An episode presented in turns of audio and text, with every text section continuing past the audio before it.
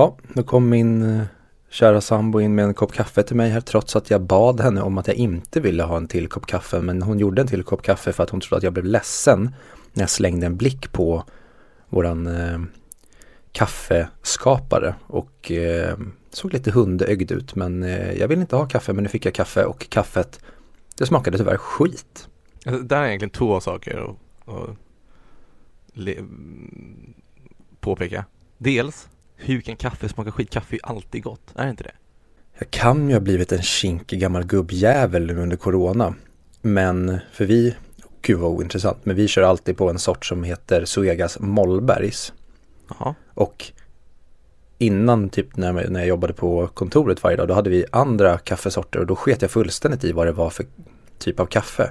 Men jag har blivit så tyvärr hukt på just den här Mollberg så att nu när vi har en annan sort så känner jag direkt att det inte är den. Och sen tycker jag blivit, det är en jätteskillnad med att ha i havredryck eller mjölk eller någon annan, vad säger man, addition.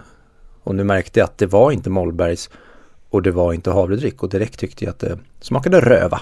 Ja, du är för havredryck i kaffet alltså? Jag, jag, jag vet, jag, kan inte säga att jag är för det, men jag har blivit tjackpundare på det så att jag är tyvärr beroende av det nu.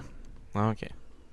Ja, men det, det, det, alltså, jag kunde ju svära på att du var en Arvid Nordqvist kaffedrickare. Idag är det och det var därför jag blev arg för tyvärr, jag gillade Arvid Nordqvist back in the day men uppenbarligen det här kaffet jag fick nu var inte gott så att Arvid, go fuck yourself. Okej, nu tycker jag du överreagerar. Eh, och kan ta tillbaka det där. Make me motherfucker. Okej. Eh, jag klipper bara in från ett annat avsnitt när du säger jag är ledsen. Eh, men det andra är det här, det är den här situationen man hamnar ibland. Till exempel, Förlåt, har jag någonsin sagt det som du precis sa? jag vet faktiskt inte. Har jag någonsin tagit tillbaka någonting eller bett om ursäkt för något? Jag är ju en så här a proud whammon. Nå- Något faktafel har jag ju tagit tillbaka tror jag. Nej, aldrig. Skulle jag aldrig göra. Nej, verkligen inte. Men du vet den här situationen när, säg till exempel att vi, vi kollar på, på en match, en fotbollsmatch, handbollsmatch. Och sen ska du gå till, till kafeterian och köpa någonting. Och så frågar jag, ja men kan du köpa en kaffe till mig? Eh, med gärna mjölk i. Och sen när du kommer tillbaka har du köpt en kaffe men inte lagt i mjölk. Och då kommer den här situationen, du är schysst och bjuder mig på en kaffe och köper den åt mig. Men jag gillar inte kaffe utan mjölk. Ska jag, alltså jag kan inte säga här, ja, jag fick ingen mjölk och var otacksam för du har ändå bjudit mig på en kaffe och köpt en kaffe till mig. Men samtidigt var det inte det jag ville ha. Men inte det det relationer och vänskap är att det är ju en grej om du bara ber om en kaffe och sen dyker upp utan mjölk. Men om du faktiskt har bett om mjölk och inte får det, då måste man ju kunna få komma med kritik och reklamera skiten. Ja, Men samtidigt känns det jävla ota- ot- otacksamt. Ja, det känns väldigt svenskt av dig. Mycket möjligt. Men det var, alltså nu, nu spelar det ingen roll för mig längre. Men förut så gillade jag inte kaffe utan mjölk. Och då var det verkligen så här, alltså jag, jag kan inte dricka det här om det inte är mjölk. Det var, det var som en annan gång när vi skulle grilla hamburgare hos en kompis. Eh. Sjukt, jag skulle ta det som exempel nu och säga det så här, ja men vadå, så om någon hade gått och köpt en hamburgare till dig och den kommer tillbaka utan pålägg eller eh, ketchup, senap eller något, hade det varit lika förlåtande då? Eh, alltså nu hade det nog inte varit det. Men då tror jag att det var jobbigare. Men, eh, och jag tycker inte att jag är konstig här. Han bodde våningen nedanför och jag ovanför. Det var när vi var studenter. Och så skulle vi äta hamburgare. Och han, det enda han hade var så här Icas egna ketchup som smakade röv. Eh, och när jag frågade, oh, som han tydligen hade fått i någon gratis grej. Vilken, så här, köp en jävla ketchup. Så, så då gick jag upp en våning. Och tog, tog min egna ketchup och hämtade ner den. Och det tyckte de var konstigt. Fy fan. Ett, jag har bara suttit och tänkt på när du sa att det smakar röv. För då vill jag bara ställa frågan, har du ätit röv någon gång? Så jävla mogen. Men sen det andra, då tänkte jag att Ja, då kommer väl du som den där bajsnödiga stockholmare Så dina polare, jag vet inte hur de pratar i Växjö men jag kommer dra till med om Ja men han är en jävla stockholmare, det duger inte med våran jävla mm, Ica-ketchup Ja, det, det var ganska likt skånskan som vissa hade i Växjö. Ja det är skånska Nej men visst, nej det är småländska i Växjö, men det är ju många Mm. skåningar där som pluggar. Första torsdagen i mars Exakt. Också jättemärklig högtid. Åh, Ja, nej, Ehm, nu har vi kört, eh, vad heter det, socialpodden här. Ska vi eh, dra igång den riktiga anledningen till varför vi är här. Ja, nu kör vi. Hej!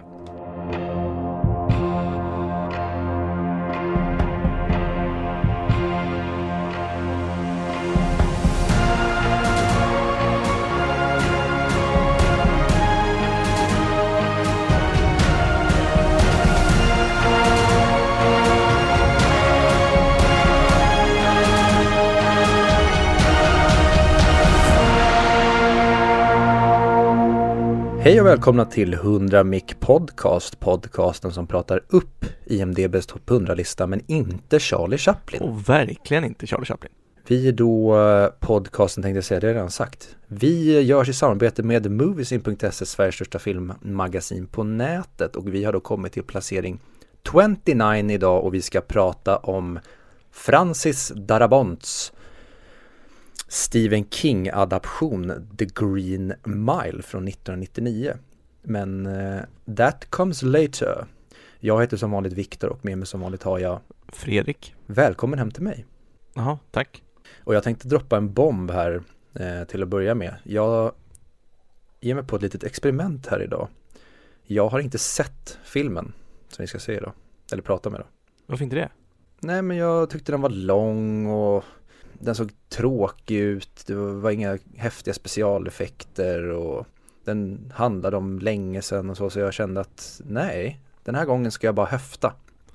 Så jag ska alltså prata om filmen och förklara den för dig. Sen prata vad jag tycker var bra. Så får du lägga åsikter om mina åsikter. Ja, det skulle vi kunna göra när det är dags för Inception-avsnittet.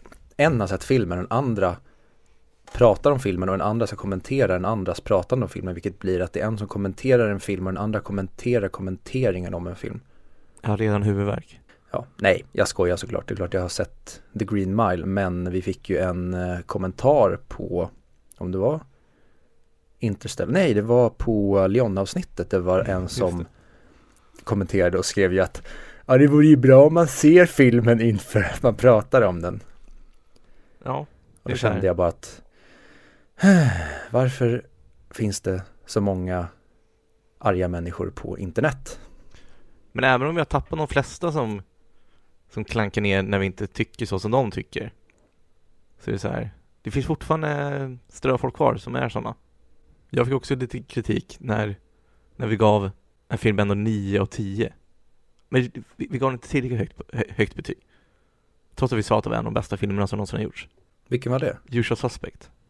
Ja men det är så svårt och jag kände lite det nu när vi, vi kommer komma till snacket om eh, Gröna milen. Sen, men jag kände samma sak när, vi, när jag kollade på Gröna milen att det kommer vara jobbigt nu de sista 30 filmerna på listan för att det är ju just de 30 filmerna med högst rating på den största filmsidan. Och då kommer det automatiskt vara så att man kommer sitta och ge höga betyg men så kommer det eventuellt vara så att äh, men det här är ingen favorit hos mig eller att nej men den är inte hemma på topplistan. Och då kommer ekvationen kanske inte går ihop.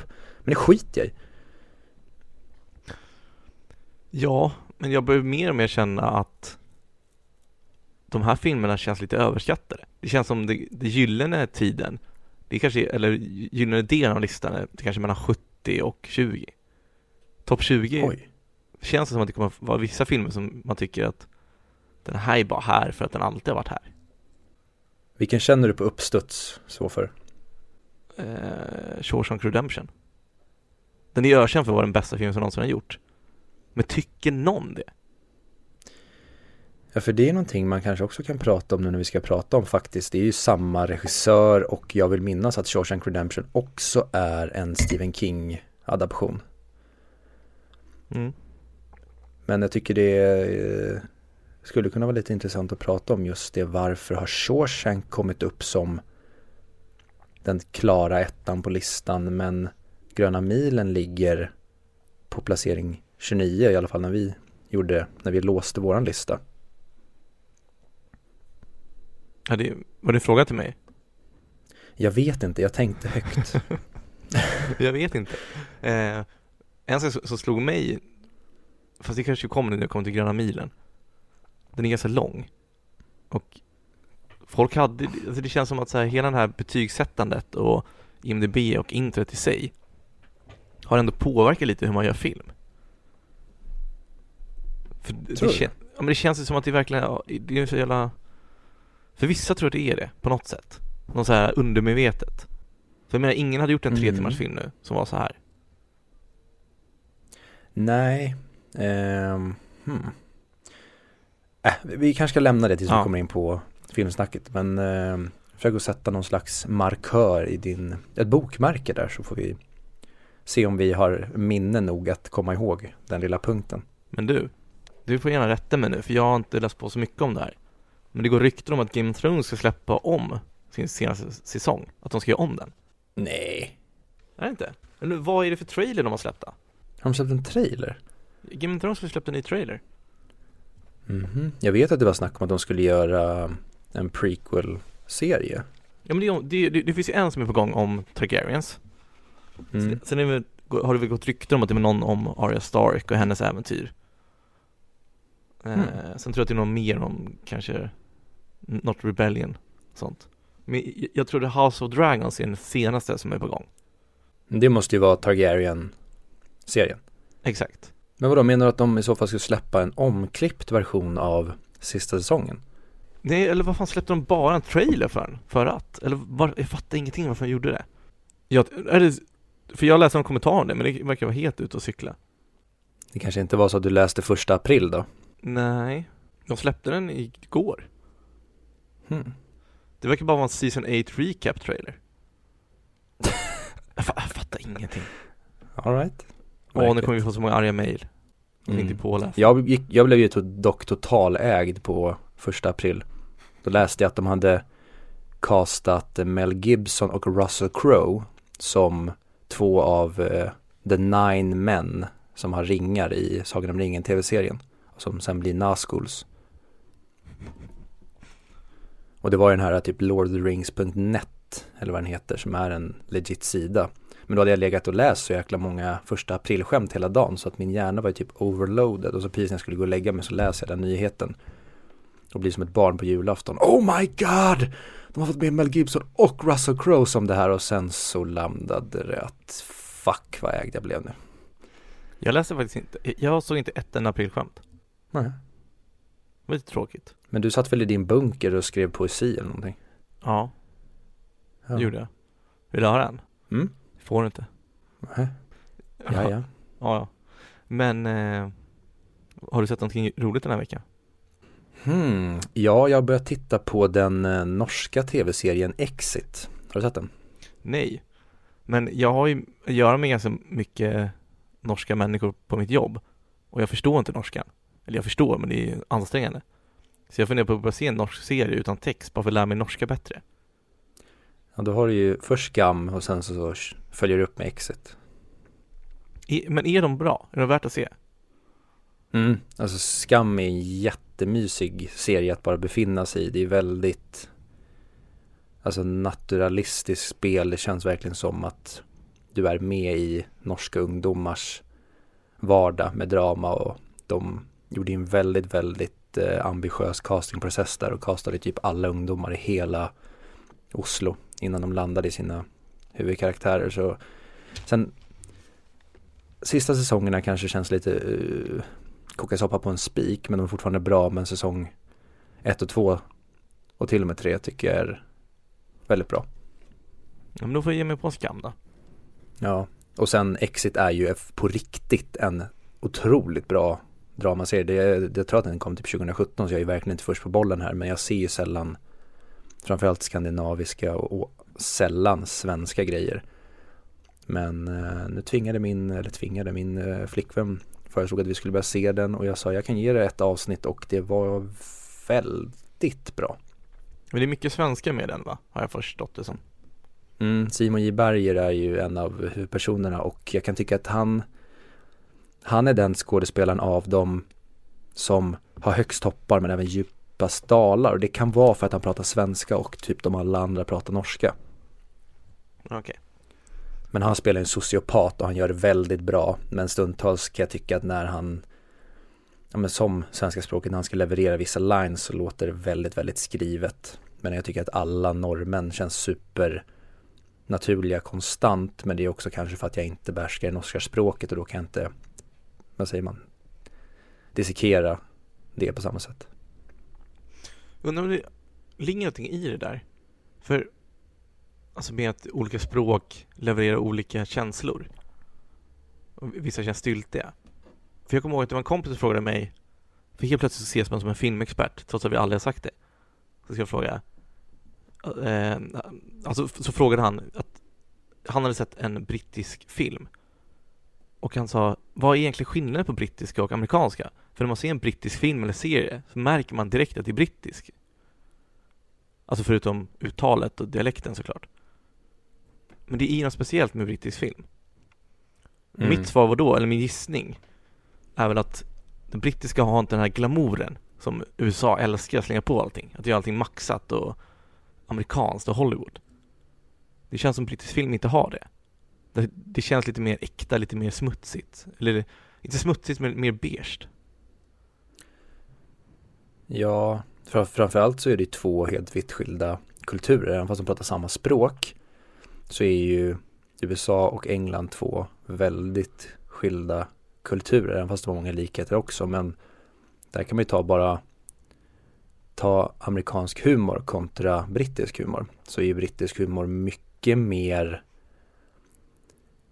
man ska säga, jag, jag tycker att The Office, om man tar det som exempel, även amerikanska The Office är ju mer brittisk i sin humor. Jag tycker att när amerikanerna gör humor ofta så är det mycket större och mycket tydligare. Mm. Jag tror det ligger, kan finnas någonting i det i film också, att jag tycker att USA, där ska man vrida upp allting och kanske som vi pratar om, eller pratar om ibland när det kommer till vissa filmer där man tycker att, ja men ta Interstellar som vi pratade om förra veckan där britterna kanske vill, de respekterar sin publik kanske lite mer och vill göra saker lite mer naturligt och kanske inte lika överförklarande eller glamoröst som du sa. Medan USA vill hela tiden göra allting, de vill göra McDonalds och Disney och stort och pompöst och alla ska förstå och det är kanske så lite förenklat jag uppfattar skillnaden mellan amerikansk och brittisk film framförallt. Mm. Det är mycket möjligt. Sen är det alltid svårt att generalisera. För det finns ju alltid undantag, det skiljer sig mycket, tänker jag. Från film till film, bara det. Eh, men den största relationen jag har till brittisk film är ju Guy Ritchie. Och mm. vad fan heter han som har gjort In Bruges? Mac... Vad heter han? Martin McDonough va? Ja. Men han är väl från typ Skottland för mig, Wales eller någonting sånt där. Jag tror irländare. Irländare till och med. Ja, men det är också samma stuk på de filmerna. Åh, oh, fan jag saknar In Bruges. Mhm. Ja, Vi kanske ska, vi gör det att vi vi överger Charlie Chaplin i och med att han är historia i, det kommer inga fler CC-filmer på den här listan.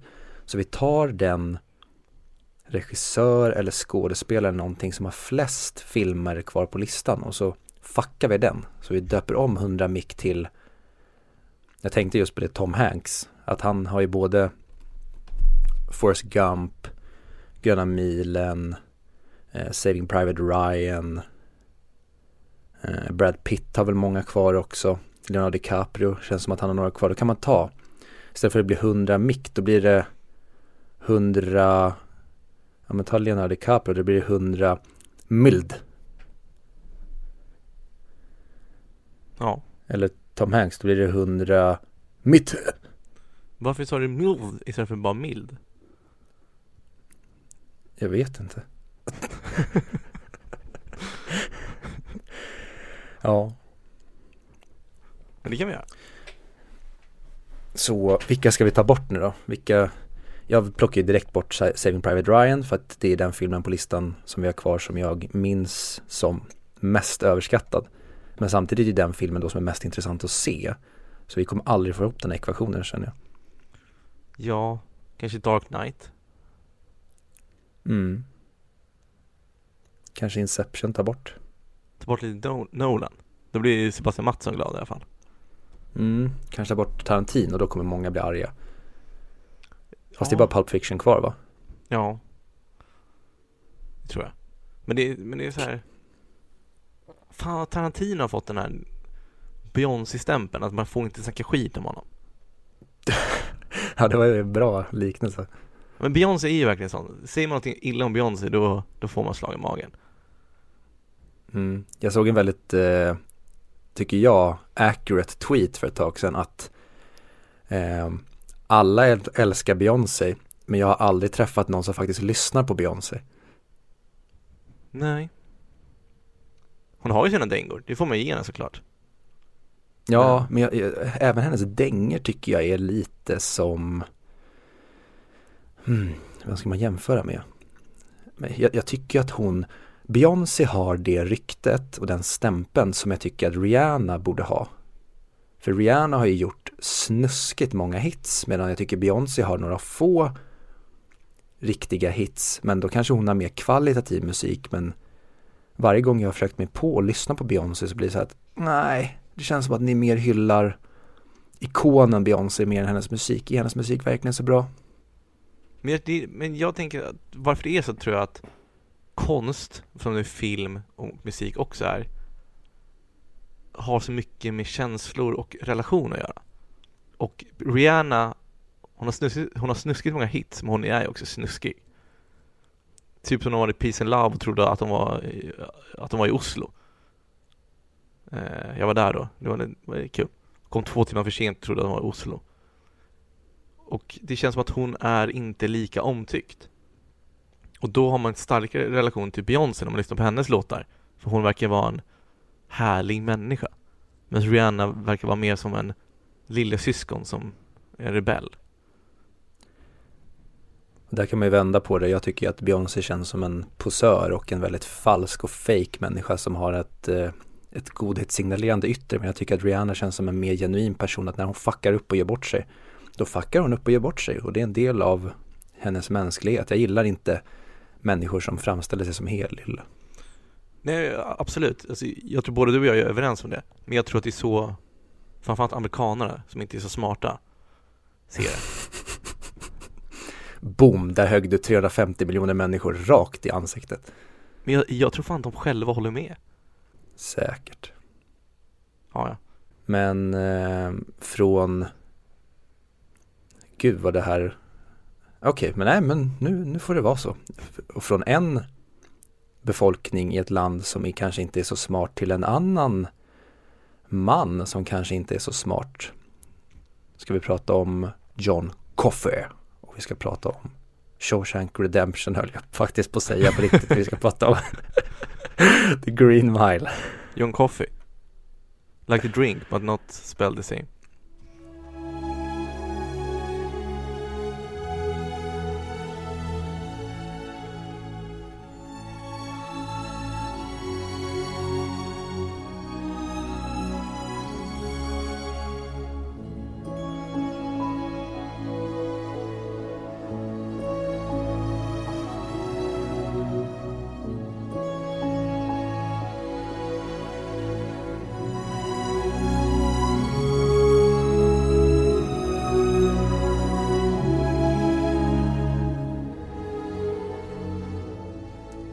Vi tog oss hela vägen fram till veckans film. Och denna vecka ska vi prata om Shawshank Redemption 2 The Green Mile Zack Snyder Cut från 1999. Nej, vi ska prata om The Green Mile från 1999. Den är då skriven och regisserad av Frank Darabont men den är baserad på Stephen Kings bokserie i sex delar som hette The Green Mile.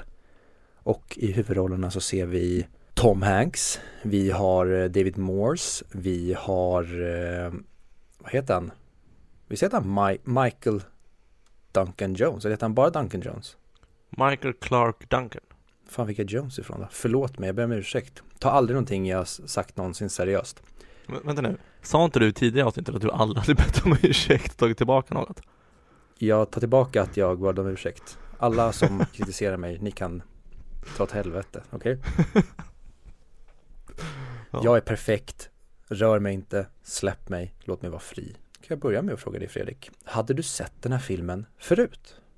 Inte hela, men halva. Ja, det är så. Ja, när jag var liten. Så kommer jag ihåg att jag, såg den, den, den var på tv när mina föräldrar kollade på den. Och så satt jag där. Och så gjorde jag allt i min makt för att inte gråta när han sa att han var mörkrädd. Du kände igen dig? Lite faktiskt. Jag, jag var också mörkare när jag var liten. Jag med, jag är fortfarande mörkrädd. Ja, men jag växt ifrån det lite. Eller, jag blir mer rädd när det är mörkt. Men jag är inte mörkrädd skulle jag säga. Va? Men jag... Ja men, men alltså, det tråkiga argumentet, du är ju inte rädd för att falla, du är ju rädd för att landa. Alltså krascha. Du, du är inte rädd för mörkret, du är rädd för det som är i, är i mörkret. Så är jag, alltså beroende på vart det är mörkt, gå in i ett rum och det är mörkt och jag är enda, i rummet så är jag inte rädd. Men är ute i skogen och det är mörkt, då, då bajsar jag på mig. Alright. Får väl acceptera det då. Tack. Och jag tror att jag nämnt det tidigare men det här var ju typ under 10-talet min favoritfilm. Jag har inte sett den så många gånger men det är den filmen som när jag såg den första gången i min ungdom som typ knockade mig där och då mest. En ung pojke, gick i mellanstadiet, slog på den här, kanske lite för tidig ålder, blev berörd, rädd, ledsen och förstod att eh, det har varit jobbigt i livet för många människor och kommer vara jobbigt i livet för många människor. Så det var kul att se om den nu. Jag hade inte sett den på en eh, jäkla massa år men det är en film som de här klassiska korta klippen dyker alltid upp när det är ja, men genom åren har det varit så att TV4 kör filmhöst och då känns det alltid som att The Green Mile dyker upp och så är det den här klassiska bilden när John Coffey spyr ut de här flugorna eller vad det är. Jag vet inte fan vad jag tyckte om det alltså. Nähä, Men hade inte filmen varit bättre om det inte var, alltså om det var hokus pokus fast inte tydlig hokus pokus? Att det, att man, kanske att lamporna är lite starkare, men jag, jag vill inte se han spy ut det där. För då blir det helt plötsligt som voodoo. Ja, men eh, om vi dyker in i filmen direkt och Jag tycker ju det är en del av det starka med den här filmen. Just att vi vi går en hel timme av filmen där vi är superverklighetstroget. Och efter typ en timme exakt då övergår den till sci-fi. Men inte sci-fi som att det skulle finnas några aliens utan vi går till the divine. Den blir mer religiös och det finns mirakel och att John Coffey så tydligt är någon slags reinkarnation av Jesus och då tycker jag att det är häftigt. Det känns som att om en film hade gjorts idag eller många andra filmer som är så här där det finns en miracle man eller det sker någonting då hade den säkert kunnat spela säkert en halvtimme på filmen på att Tom Hanks karaktär Paul skulle övertyga de andra om att jo, jo, jag, jag såg det här, jag upplevde det här. Men det är aldrig ett problem med den här filmen utan det här är de här fyra männen som får uppleva det här miraklet och köper det från början och sen är det andra saker som kopplas till det här mer än att det är själva miraklet och det religiösa och övernaturliga som blir huvudfokuset. Det är bara verktyget i filmen.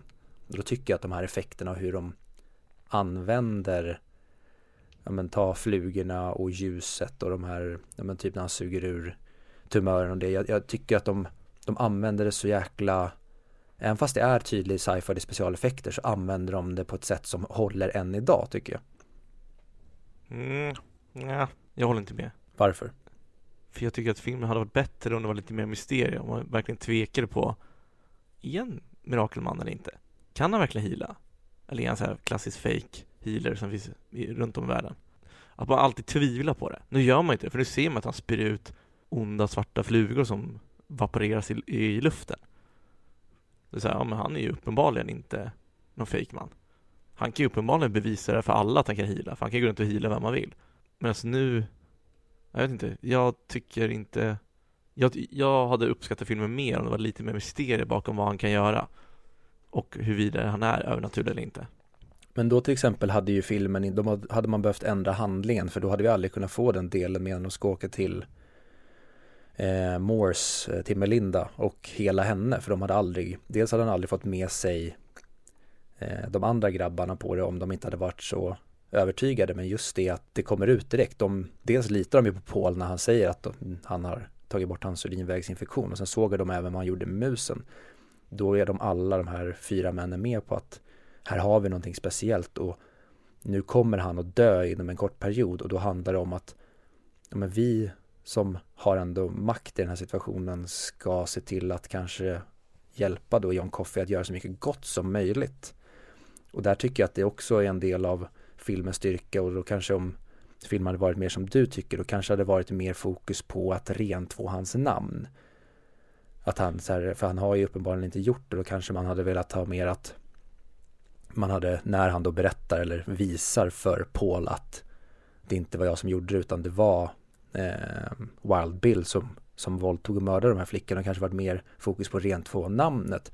Men jag tycker just essensen av hela filmen är att det här är fyra män som befinner sig i den här situationen och under den här korta perioden så får de uppleva det här miraklet som de inte kan göra någonting åt egentligen utan han kommer att dö men det har varit en ära och då han, han förändrar de här människorna i grunden under den här korta perioden.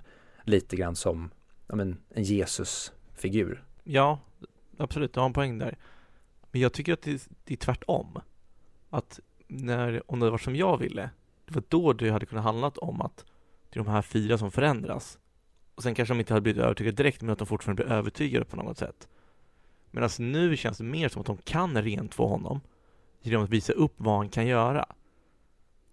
Och kalla dit rätt personer och visa så här, den här personen kan hila människor. Det var det han försökte göra med de här flickorna också.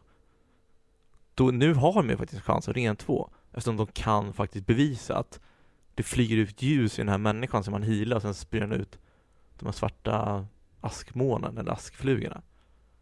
Om, man in, om inte det fanns, det beviset, så då kan de inte bevisa det. På något sätt. Och då hade det mer handlat om att han förändrar deras liv och att de vet att det är hopplöst, vi kommer aldrig kunna rentvå honom. Då hade det dels blivit som att de använder honom som en slags cirkusapa. Kolla vad den här personen kan göra och det, är det tror jag också är varför den utspelar sig 1935 och till skillnad från idag. Idag hade det kanske kunnat användas som att att det blir som du säger mer att rentvå hans namn men det hade tagit stopp redan vid att han, han vill ju inte leva vidare själv utan han säger det att det varje dag är så jobbig och det även fast han har den här gåvan så är det en otrolig curse också precis som ja men för att återgå till Jesus att Jesus tog på sig allt världens lidande till exempel. Och då blir det samma sak här. Han bär på, han bär på den här otroliga kraften att göra gott och sprida det goda. Men han bär också på allt mörker i världen.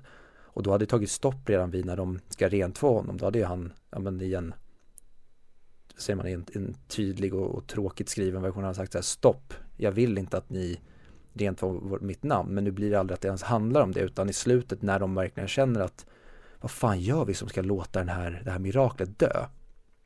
Då får han berätta att nej, det, det är för jobbigt, ja, alltså, och det, åh, oh, shit alltså.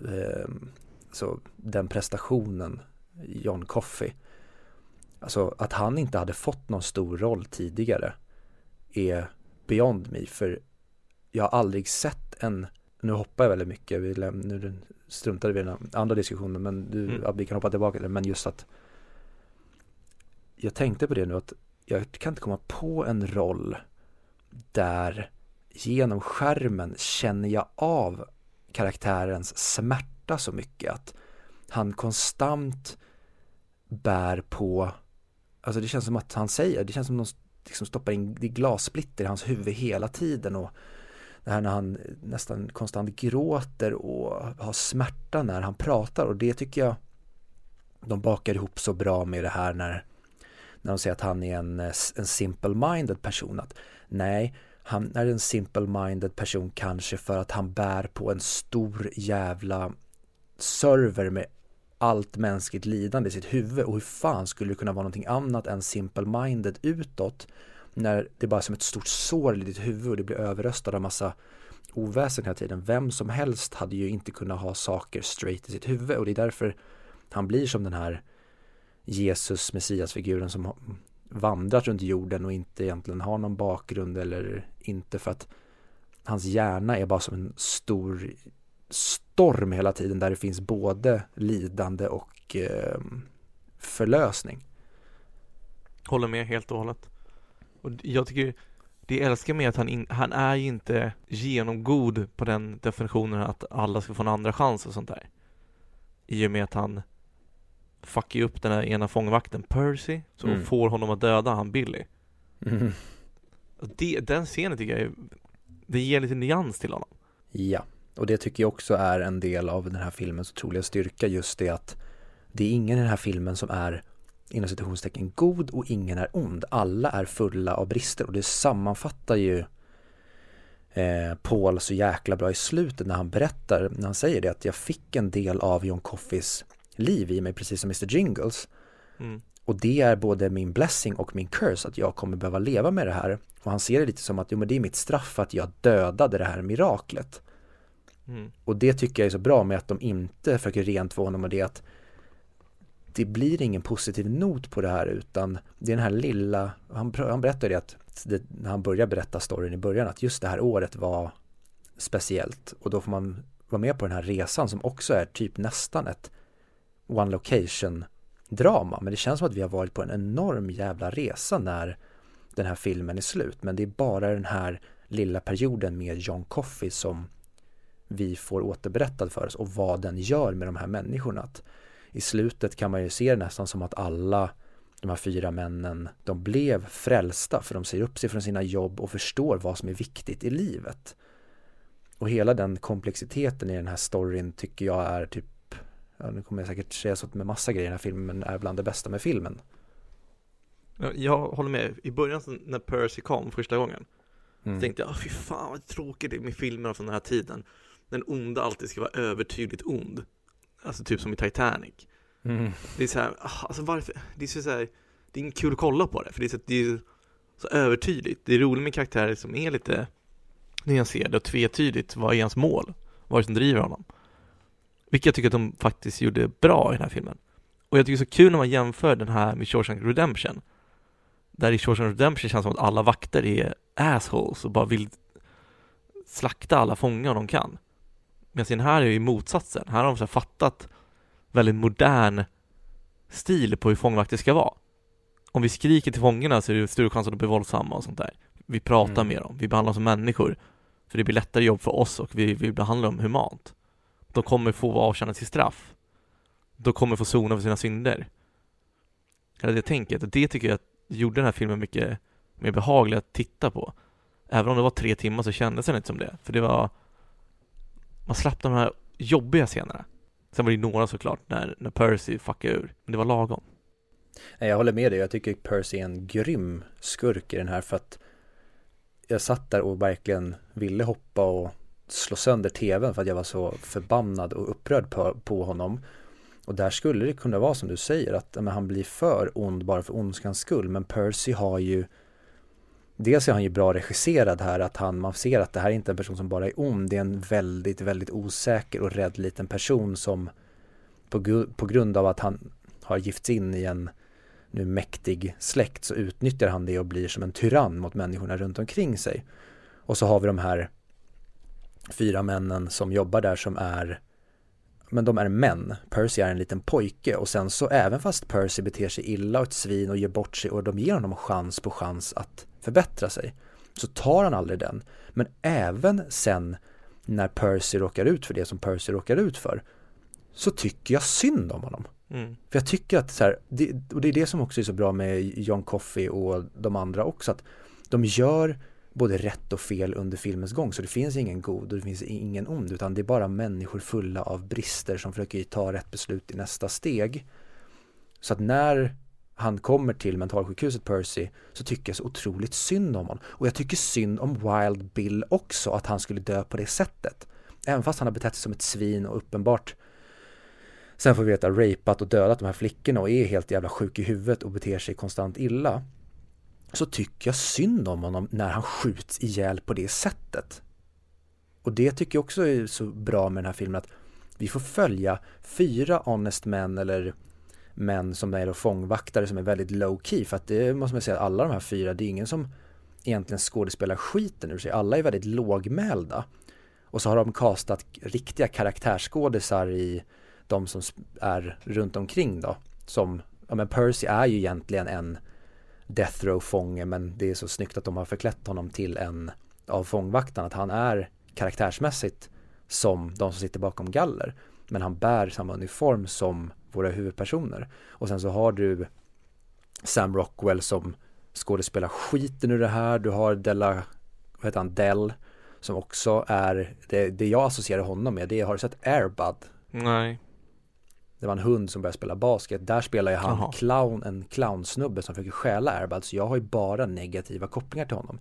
Men ändå så tycker jag så mycket om Dell och den karaktären att det sitter massa väldigt utsvängda och starka karaktärer bakom lås och bom här. Men vi har de lågmälda karaktärerna som är våra huvudkaraktärer. Ja men det är lite kul, jag kollade på Jag såg Pewdiepie kollade på ett YouTube-klipp För det finns ett koncept när man tar tre personer på vardera sida Sen diskuterar man mot varandra och sätter dem i samma rum eh, Jag har kollat allt på när Flat Earthers diskuterar med forskare Vilket är sinnessjukt Men också nu senast såg jag om eh, cancelkulturen, det var tre som var för cancelkulturen och tre som var emot Kul var att alla kom överens om om alltså vad de tyckte i slutet. Men där så är det en som pratar om att cancerkulturen, en, en sak, en av många saker som är emot den är ju att människor, vi människor, vi ständigt förändras.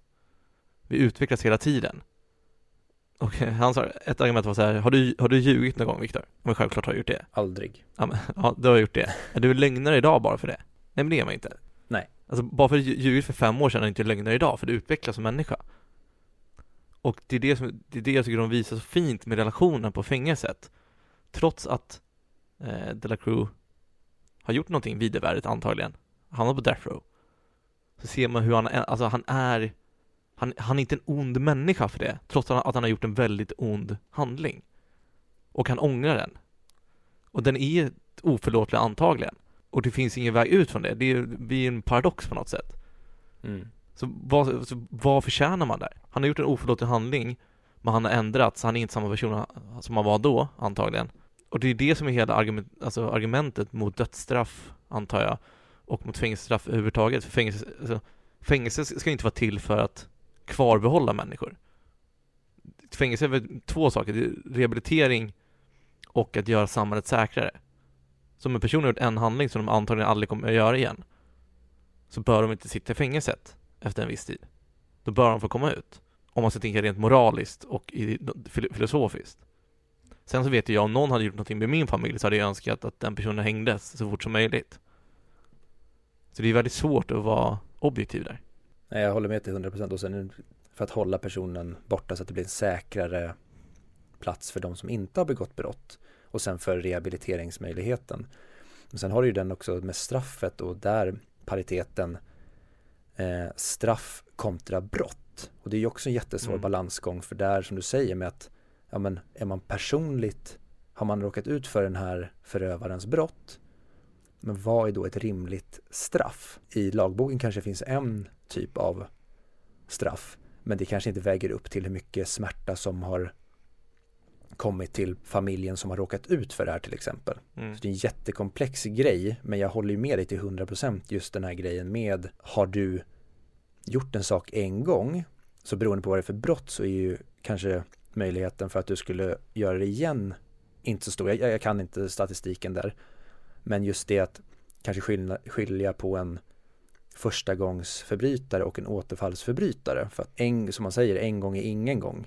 Och jag kan köpa det, men det är också mer komplext än så. Men att just när du sitter och vet, som i, den här, i det här fallet i den här filmen, när du sitter och vet att du ska få sätta dig Old Sparky och dö, då kommer du nog förändras väldigt mycket som människa och det tycker de gör så bra, som du sa i Delacroix, när han i slutet säger det att jag önskar att jag hade träffat er på en annan plats.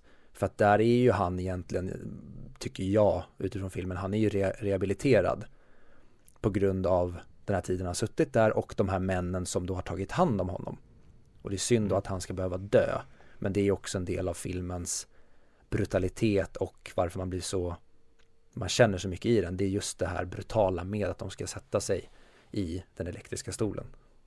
Ja men det är samma sak i, i American History X. Där får vi se hur han verkligen förändras under sin tid i fängelset och får komma ut och vara en ny man. Men där har han fortfarande dödat två personer. Ja, Jag tror att det är en omöjlig ekvation att göra så att det alltid blir rättvist. Eller rättvisan är ju alltid, kanske inte alltid, men den är ofta subjektiv. Alla kanske inte håller med om att vissa saker är rättvisa beroende Mm. på vad det är för olika saker som är inblandade i just det brottet. Men just det med dödsstraffgrejen är ju så himla mörkt och brutalt. För att inte tala om hur man gör dödsstraffen i USA och har gjort. Mm. Jag kollar, John Oliver har gjort ett segment om dödsstraff och visar hur, oavsett med de här äh, medicinerna, eller vad heter det? När det injiceras. Ja, injektionerna. Även de ska tydligen vara otroligt smärtsamma. Alltså vi får ju se filmen nu, det kan ju, alltså de plågas ju som, alltså ofantligt mycket av elektriska stolen. Det är ju hemskt. Det tror jag alla håller med om. Ja, och när Percy får vara in charge av Dells avrättning är ju, oh, ja fy fan, och där återigen, eller återigen, jag tror inte jag har sagt det, men Frank Darabont, vilken jävla mästerregissör han är och vad han gör här. Att han, och framförallt i den scenen att han drar ut på det och att människorna, det börjar lukta när Dell brinner upp och att vi får se när hans ansikte, det liksom kommer blixtar och eld från honom för att han börjar brinna för att det aldrig tar slut. Och den scenen är så otroligt påtaglig. Och det, där får vi den så här otroliga smärtan i vad som kan gå fel i den avrättningen. Och därför behöver vi inte se sen när Coffee avrättas i slutet, för då vet vi, nu, nu är ju han ned, vad heter det, hans huvud är ju blött, så han kommer ju få en, en smärtsam och snabb, men inte det det handlar om, för vi har redan fått se flera gånger i filmen hur en avrättning går till, när en avrättning går till på ett rätt sätt och när det går till på ett fel sätt. Så vi vet redan hur ont det gör när det är dags för John Coffey. Det är inte där smärtan sitter, utan smärtan sitter i att de dödar Jesus. Ja. Och hur alla gråter och oh. relationen som har fått till honom. Men de vet hur hopplöst det är. Mm. Det är ingen idé att berätta, men han är oskyldig eller vad som helst. Eller se till pappan att sluta skrika, för alla förstår, de förstår allihopa. Och det, det finaste är ju när han säger att Snälla, lämna inte huvan på, för han är mörkrädd. Mm. Och där känner jag också samma sak när han sen går fram och skakar John Coffeys hand. Där satt jag ju redan och bölade som ett barn. Men när han går fram och skakar hans hand och man känner att skönt att du överger professionalismen här. För att man vet ju att efter att han har lämnat huvan av och sen han går fram och skakar hans hand framför de här människorna och alla de här männen gråter. Framförallt, jag kommer inte ihåg vad den skådisen heter, men Danny Saucedo snubben. Lookaliken. Ja, precis. Ja. När han bölar, jag känner det bara så, åh vad skönt att du inte kan hålla dig tillbaka, att du torkar dina ögon när, när du ska resa dig upp, men sen så fortsätter du att böla efter det och att man ser verkligen att det är nog för alla de här männen. John Coffey kom in och berörde alla deras hjärtan och mm. de skiter i att människorna här bakom ja, förmodligen scenen efter är så här, what the fuck håller du på med? Du skakade handen på den här snubben som har våldtagit, att förmodligen sa han bara så här, ja, och jag hand in my resignation här, jag skiter i det här, jag har förstått vad som är mm. viktigt och förstått hur fel och inhumant det här kanske är. Mm. Vad tycker du om eh, hur hon sätter upp filmen i början då? Idag kan jag tycka att det är ett väldigt gjort trick med att vi får se en, en gammal version och sen så får man se den personen berätta sin story men just att det är, att allting i den här filmen utom just då John Coffeys eh, miracle-effekter är dataanimerade, vilket jag, jag tycker att effekterna håller väldigt bra för att de är så sparsamma. Att det blir som ett moln bara när de här flugorna kommer ut och när de använder ljuset så använder de ljuset jävligt snyggt. Jag tycker aldrig att CGI tar mig ur filmen. Men också för att den är så sparsamt använd och att när filmen börjar så är det så tydligt filmat på riktig film så bilden är krispig. Ingen av skådespelarna på det här ålderdomshemmet känns som skådespelare utan det känns som att vi är på ett riktigt ålderdomshem. Och då tycker jag verkligen att det, det funkar så himla bra med den här starten och vi får se den här mannen och sen när de ser, de tittar på filmen och han börjar böla och jag kan inte vara här inne längre och så sätter de sig och pratar. Jag, jag gillar verkligen den starten för den blir så himla powerful i slutet när vi knyter ihop säcken. Och det var ju också att från när typ John ska dö fram tills att filmen är slut så sitter jag bara och hulkar som ett barn för det är så otroligt fint när han tar med henne upp till stugan och visar henne Mr Jingle så att han var åldrat och visar att det här var på riktigt. Eh, att just det knyta tillbaka till att det hade varit en annan typ av film om de försökt rentvå honom i lagens namn och fått John Coffey överleva. Men nu visar han bara för den här enda personen om sin förbannelse och sin curse och Mr Jingles för att visa att det faktiskt var på riktigt. Jag gillar verkligen det. Jag säger lite som, som de säger in i Rick and Morty Jag gillar att berättelser ska börja där de faktiskt börjar Inte att de hoppar Framförallt så ogillar jag det här, det här är ju undantag, så där kan jag ändå tycka så här, jo men det funkar Jag tycker det är lite gjort eh, Att det blir lite tråkigt på det sättet Jag, jag behöver inte fatta den där återkopplingen till filmen det ger mig inte så mycket om jag ska vara ärlig. Men du, du vet filmer som kör så här att de börjar där, där det är något spännande och sen säger de tre veckor tidigare. Mm. Gör istället en bra början på en berättelse. Du behöver inte bara hoppa i, dit där det blir spännande för att sälja in det. Sälj in det med en bra början istället. Tycker jag. Men som sagt, det här är lite av ett undantag. Ja, men jag kan samtidigt hålla med om att hade man klippt, hade filmen börjat där ja, men, hans berättelse börjar i 1935 mm. och sen avslutas på samma sätt så tror inte jag det hade gjort någonting egentligen mer än att vi hade fått en mer koppling till Eh, den, den äldre Paul, den skådespelaren. Men jag ja. tror inte det hade kanske påverkat det känslomässiga så mycket, det vet jag inte, men jag tror inte det. Så det kanske är onödigt fett, men jag tycker även att den här filmen har en massa fett. Men mm. fettet i den här filmen smakar äckligt gott. Okej. Okay. Jag, ty jag tycker att, ja, den är mm, lite för lång tycker jag. Jag hade velat ha mer fokus på, på, re på relationen till han, till Coffee. Jag tycker att det är så här den är alltså, lite ofokuserad från time to time. Men menar du att alltså, man skulle göra honom till en, en tydlig, eller en, ge honom en större roll i filmen? Men det, det är några scener när Tom Hanks är, är hemma med sin fru som jag tycker inte ge, ger någonting. Ja, men vad ligger du och tänker på? Nej, inget speciellt. Så det är typ det scenen. Men sen absolut, det kanske har någonting med att göra för att sen att visa att hon är stöttande och jada jada. Men jag tycker det är... När den är så lång så tycker jag inte man behöver de scenerna. Men den, den delen till exempel, jag kan ju köpa den kanske man hade kunnat klippa bort några scener med dem där de egentligen bara, han, han haft en jobbig dag på jobbet och hon kommer och kramar honom. Ja. Men det som jag tycker den amplifierar eller multiplicerar det är ju att hans engagemang i Melindas öde när hon får tumören. Att när han ju säger det att jag vet inte fan vad jag hade gjort om, om om du hade dött eller om, jag, om du hade fått cancer. Att hans motiv till att riskera sitt jobb och allting och ta Coffee till Melinda får en ännu större vi får ännu mer kött på benen kring den grejen genom att han, jag kanske inte tycker att det förmedlas klockrent, eh, deras relation, att jag känner deras kärlek, men, men att de visar i alla fall att det här är en person som är väldigt lyckligt lottad och förälskad och de har ett barn som har flugit ur och de, de är fortfarande lyckliga och även det med urinvägsinfektionen att när Coffee helar honom med den att då är det bara hem och så ska de ha sex som de aldrig har haft sedan de var 19 år.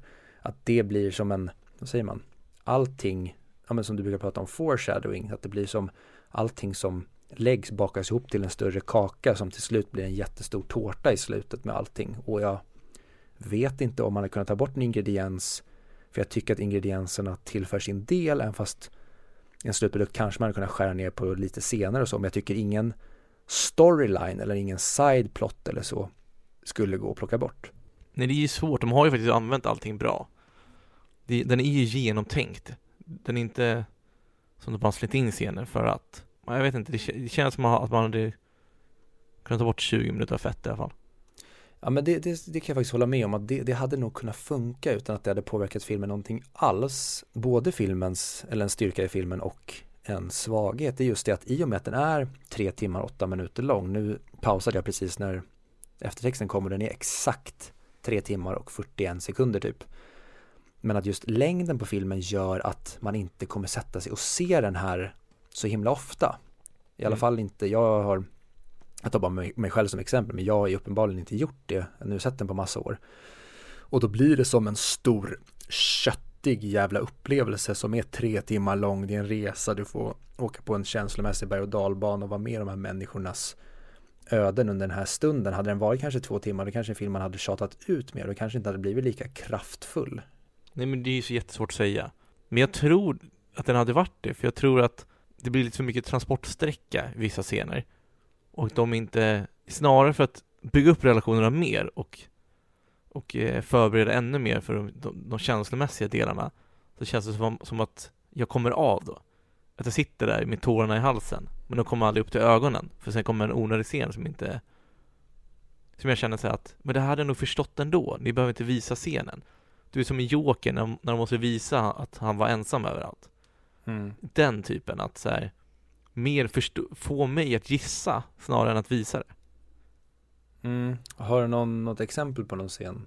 Alltså det starkaste som jag reagerade på var när Tom Hanks var hemma med sin fru Mm. Ja men det kan jag fan hålla med om att där är några tillfällen där det känns som att filmen tappar, tappar tempo, att det blir som att vi, nu är vi väldigt nästan blir som en one location läger grej och det blir väldigt intimt när de är på just eh, block E mm. och sen så när vi klipper det hem till honom så blir det mer som en andas ut paus men där jag kanske inte vill andas ut utan jag vill fortsätta hålla andan. Ja, ja, men exakt. Och för det fina är ju relationen på block E. Men relationen med hans fru, det är så här. Det är inget extraordinärt och det är inte dåligt heller. Så det ger mig ingenting förutom att en konstpaus i filmen. Mm. En del som jag verkligen tycker de hade kunnat skära bort men som också, det är lite amerikanskt överförklarande, det är ju delen när han åker till försvarsadvokaten och han visar, han ger sin superrasistiska förklaring till varför John Coffey är skyldig som har noll liksom så här, vad säger jag, noll evidensbasering förutom att han jämför en svart man med en hund vilket också är så jävla sjukt. Ehm, men han säger det att ja, vår hund den var jättesnäll under lång tid och du kan älska en svart man under en period men kanske tionde eller hundrade gången då, det är då han sliter ut eller förstör, sliter ut ögat på din son och det var så det var nu med de här döttrarna. Och så här, Mm. what the fuck? Det, det du absolut inte borde göra som professionell advokat det är väl att hålla på med anekdotisk bevisföring och bara gå så här på dina personliga upplevelser när du dömer en annan man. Och den tycker jag, här, jag förstår varför eh, de har dömt John Coffey som de gör där. Men jag tycker att det kanske, alltså den delen hade kunnat skäras bort helt och hållet. För jag tycker, samtidigt som det visar kanske en människosyn många hade på den tiden så tycker jag att den, den, den tillför egentligen ingenting till filmen. Mer än att jag tycker att det är väldigt fint att Forrest Gump och Lieutenant Dan får träffa varandra igen efter de har gjort Forrest Gump tillsammans. Just det, just det, vad fan han, det tänkte jag inte på. Ja, jag håller ju med om det. Sen är det ju synd att han är lite klumpig, Coffey, som sätter sig med två döda flickor i varsin famn. han, han, han styrs ju bara där av sin, hans Abs- moraliska ja. kompass. Alltså, det här är gott att göra, att sätta sig och försöka ta tillbaka döden från dem. Och samma sak som eh, när han sen ja, men dödar Wild Bill. Det är, inte- det är inte Ja. han som agerar utifrån, han gör ju ingen, vad säger man, överslagsräkning, utan han bara går på gott versus ont. Det här är en ond man som har gjort väldigt mycket ont och här är en till ond man som håller på att göra väldigt mycket ont här inne ja men då, då dödar vi två flugor i en smäll. Vi tar den ena snubbens förstånd och vi tar den andra snubbens liv. Han agerar ju bara som någon slags divine judge där och jag älskar den, den delen i John Coffey att han, han är så himla det, det finns en väldigt stor simpelhet i hans gudagåva. Jag ser inte att det var, det var irrationellt beslut, det var bara mer, det var lite otur. Det är svårt. Jag förstår ju varför de ser honom som skyldig. Ja, För det- alltså det är det- verkligen, du, du har händerna i kakburken. Nej men jag skulle lägga tillbaka kakorna. Ja, yeah right. Ja, exakt. För jag kommer inte ihåg om det bara var rent rasistiska motiv som dömde honom innan jag såg om filmen nu. Att det bara, ja men den här svarta personen här, det är antagligen honom. Men det var ju verkligen suspekt när han satt där. Mm. Eh, Och det, det säger inte han när de frågar så här, men vad, frågar inte någon typ så här, vad gjorde du där? Han säger, jag vet inte, jag vet inte hur jag hamnade där. Mycket möjligt. Jag för mig det och då känns det ännu mer som att så här, ja det här är bara Gud placerade honom där eller han, han, han på grund av hur jorden snurrar och saker sker så råkade han bara vara där och då för det var hans uppgift. Bara att han kanske var lite för sen eller att brottet och våldtäkten och morden kanske var alldeles för grov. Att han inte hade den kraften för att kunna göra det. Det är så jävla fin film på det sättet. Ja, Alltså när han pratar om hur ont, mycket ondska det finns i världen och hur den inte ger hopp till en. Men samtidigt så mår man bra av att se den.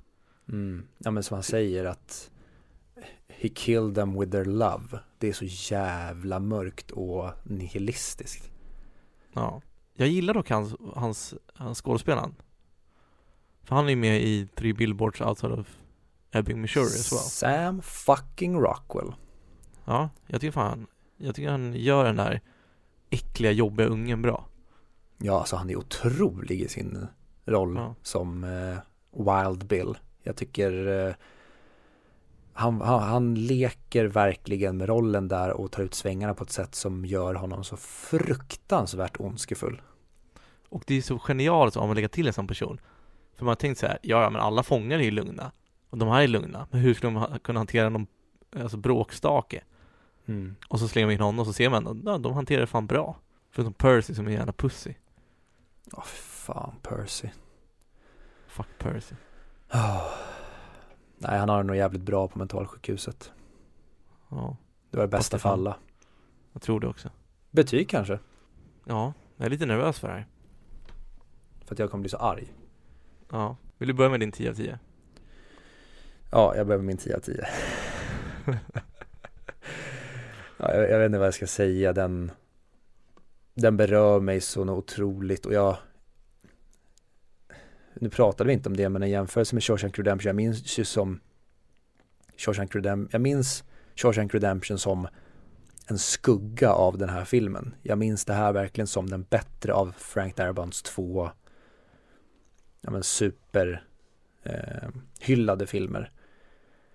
Men Mm. eh, jag kanske blir motbevisad sen när vi kommer till Shawshank Redemption men jag tycker att den här filmen är ja men uppe där bland, bland det bästa som har gjorts i den här genren just för att det är en, en lång köttig film. John Coffey är den kanske den karaktären någonsin som jag bryr mig mest om eller som jag känner så otroligt mycket med. Vi har Tom Hanks och David Moore heter han väl. Eh, och resten av dem Eh, i gänget som är så himla helylle och gör, de försöker göra rätt saker och det, det är inte bara huvudpersoner som är de, de dåliga eh, det är inte de som tacklas med sina och gör bort sig utan det är saker runt omkring som de behöver handskas med. Att de är på det här fängelset och måste agera på saker och sen så kommer det in en någonting divine där som rör om det ännu mer i grytan och sen så ja, har vi allt det här som jag säger köttet som jag tycker smakar så otroligt gott och Dell och hans relation till Mr Jingle som vi inte ens har pratat om att hur kan man känna så mycket för en mus när den, han trampas ihjäl och Dell skrikgråter. Jag, jag, jag blir tårögd själv för en liten musjävel. Ja, det är otroligt vad den här filmen berör mig och jag älskar att den brinner så den brinner så långsamt men det händer saker hela tiden. Jag tycker inte att det bara är som det kan vara ibland när filmer går långsamt. Det är bara en shot på en person som ska uttrycka känslor utan eh, filmen har hela tiden fart fast den, den springer inte fram och den smyger inte fram utan den, den lunkar fram och den allting fylls på av en snuskigt bra cast. Jag har inte pratat om typ Harry Dean Stanton. Vad är han, någon slags typ vaktmästare där? Också kul när han ska få vara, när, när de ska öva inför och han skämtsamt sätter sig i stolen. Jag hade aldrig vågat, alltså det är som och när någon riktar, så här, riktar ett oladdat vapen om man skulle någon skulle göra det mot den, så här, sluta, ta, ta ner pistolen, rikta den inte mot mig så är det samma sak här. Jag skulle aldrig sätta mig i den elektriska stolen även fast den inte var ikopplad för det skulle kännas så fruktansvärt obehagligt. Old Sparky. Ja, precis. Och där kul grej var att när Stephen King dök upp på inspelningsplatsen så höll sig Tom Hanks i sin karaktär. Och då eh, typ hade Stephen King sagt typ på skämt till honom så här, ja men får man testsitta i Old Sparky? Och då hade Tom Hanks i sin roll bara så här, nej, det är ingenting man leker med. Eh, det är bara fångar som får sitta i den. Jag läste att Tom, Tom Hanks tog den här rollen som en, som en favor till Frank Darabont. För eftersom han hade tackat nej till Andy Dufresne rollen. Eftersom han skulle spela in Forrest Gump samma år, samma tid. Ja, Alltså hur mycket jävla stjärnroller hade Tom Hanks, alltså tänk dig om Shawshank eller Forrest Gump hade varit ett år senare tidigare. Så han hade alltså- alltså varit Andy Dufresne, Forrest Gump och den här. eller hade vi, hade han gjort den här då om han hade gjort Andy Dufresne? Det vet vi inte. Nej, och jag är Nej, nej. jävligt glad för att han tog den här. För jag gillar den här filmen. Jag har inte sett Shawshank som jag sa på många år nu, men jag gillar den här mycket, mycket mer än Shawshank på förhand. Men Tom Hanks verkar vara en jävligt skön person i alla fall. Ja, shit. Och det tycker jag är synd med honom för att jag, jag tycker att han är han verkar vara en, som du säger, en otrolig människa men även, ja men kanske eh, han är ju crème de la crème när det kommer till skådespelare. Han är ju där som, jag håller Leonardo DiCaprio och honom som två av de mm. bästa. De, de, de kan göra både blockbusters och väldigt bra karaktärs eh, porträtt. Men just med Tom Hanks är att han blev, tycker under 2000-talet blev han ju uttjatad så i mitten på 10-talet kände jag att så här, allting som Tom Hanks är med jag orkar inte, jag är så trött på Tom Hanks. Och det är inte hans fel, det är inte hans fel att han är så jävla briljant. Men tyvärr så blev han överanvänd och uttjatad. Mm. Jag väntar ju bara på att han ska bli metooad. när han blir det, då, då vet man att det är ingen Alltså hur snäll man än verkar vara så finns det svin i oss alla. Ja men alltså tänk om Tom Hanks skulle våldtagit tre tjejer liksom. Eller åt det hållet. Man hade ju aldrig trott på tjejen som anklagade honom. det, men det är ju så hemskt på något sätt. Det är en sån hopplös situation. Inte, inte Tompa. Nej, jo men vad fan. Jag har ju video på när han våldtar mig. Nej, det där, det, det är någon annan. Nej, CGI. nej. Inte, inte, inte Tom. Det där är, nej, det där är inte Tom. Ja, det är hemskt. Eh, oh, en till sak när vi pratar om, eh, om eh, den otroliga Mr Jingles. Tydligen använder de 15, för jag fattar inte hur de fick mössen att göra som de ville typ. De använde 15 stycken olika möss under filmen. Som, som hade tränats under flera månader för att göra olika tricks. Mhm. Ja, det är, och jag älskar den, för den här filmen är ju väldigt, väldigt ambitiöst gjord. Mm. Och jag gillar den när man går så stenhårt in i det. Idag då hade man ju CGI att en råtta eller en mus och jag hade bara så här, nej, sluta. Jo men det kan, men det, det kan du inte klara på för det, har, det kan man göra utan man märker det. Väldigt bra tror jag. Alltså just sådana där enklare djur. Jag har aldrig sett ett djur, eller jag kan inte komma på någon i alla fall. Någon får gärna mm, skicka in något förslag på en Det måste ju finnas klockrena där, där Där djuren är animerade men som man inte har en aning om. Men jag har aldrig ens, vad jag vet, sett ett djur på film än som är animerat som inte har i alla fall fått mig att fundera på det. Uh, Jurassic World? Ja, oh, don't get me started on that shit. Vad var verkligen riktigt, nej skitsamma. Vad placering? Eh, jättesvårt, men jag vill faktiskt lägga den där den ligger. Eh, typ, för jag vet ja men okej, okay, säg ja, men 20 mick då för att den ändå ligger mig väldigt nära hjärtat. Och det är John Coffeys fel eller förtjänst att jag sätter den på 20 istället för 30 för jag tycker att hans prestationer, han är ju 100% värd sin Oscarsnominering. Eh, men det, det är en roll som, ja, den, jag blev helt tagen bara. Modigt. Du tror svängarna lite här, chockar. Chockerar. En 10 av 10 där den ligger. Kul Viktor. Våga ja. gå mot strömmen. Nästa avsnitt så blir det Microsoft Sam på mig. Jag tycker ja. att filmen är bra där den ligger. Jag kan ju bara, vi kan ju bara klippa in det du säger nu. Och sen bara by- så börjar bara spela in filmen. Ja. Jag tycker att Shawshank Redemption är en 10 av 10 och ska ligga där den ligger. För mig når den inte hela vägen till 10 av 10, den får 9 av 10 av mig. Jag tycker den är lite för lång. Inte för bara det säger emot det. Men det känns onödigt fett som tar mig ur den här känslomässiga resan som den här filmen ska, ska skapa. Och jag tycker att det försämrar relationerna. Och det underbara där. Eh, jag gillar inte specialeffekterna för det får, det får mig också ta mig ur min connection till eh, Coffee. Att han känns lite mer voodoo, känns lite mer övernaturlig. Hade inte varit det så hade, alltså han spyr ut onda flugor, det känns, känns så här, jag kommer aldrig kunna relatera till det här. Eh, och det gillar inte jag. Så därför når den till en oerhört bra film, fortfarande. Det kommer kanske bli en 10 av 10 av mig, någon gång. Men nu när jag såg den så tyckte jag inte det. Men det är också en sån grej, en 10 av 10 film för mig, det är en film som ligger kvar hos mig längre. Och vi får se liksom hur länge den här filmen ligger kvar hos mig nu efter vi har pratat om den hur mycket jag tänker på den. För ofta är det ju filmer som har något intressant filosofiskt koncept eller moraliskt dilemma. Den här filmen är där och nuddar, men jag tycker inte den når hela vägen för mig på det heller. Kanske, kan, det kanske är för att det är lite för mycket religiös mombo, jumbo bombo Ser man det? Jumbo Mumbo? Mumbo Jumbo. Bom, bom. Hur får fan se? Ja. Så nej. Nästan i alla fall. Nästan. Ja, jag jag kan inte tvinga dig rätt. Så det är så. Och placeringen då?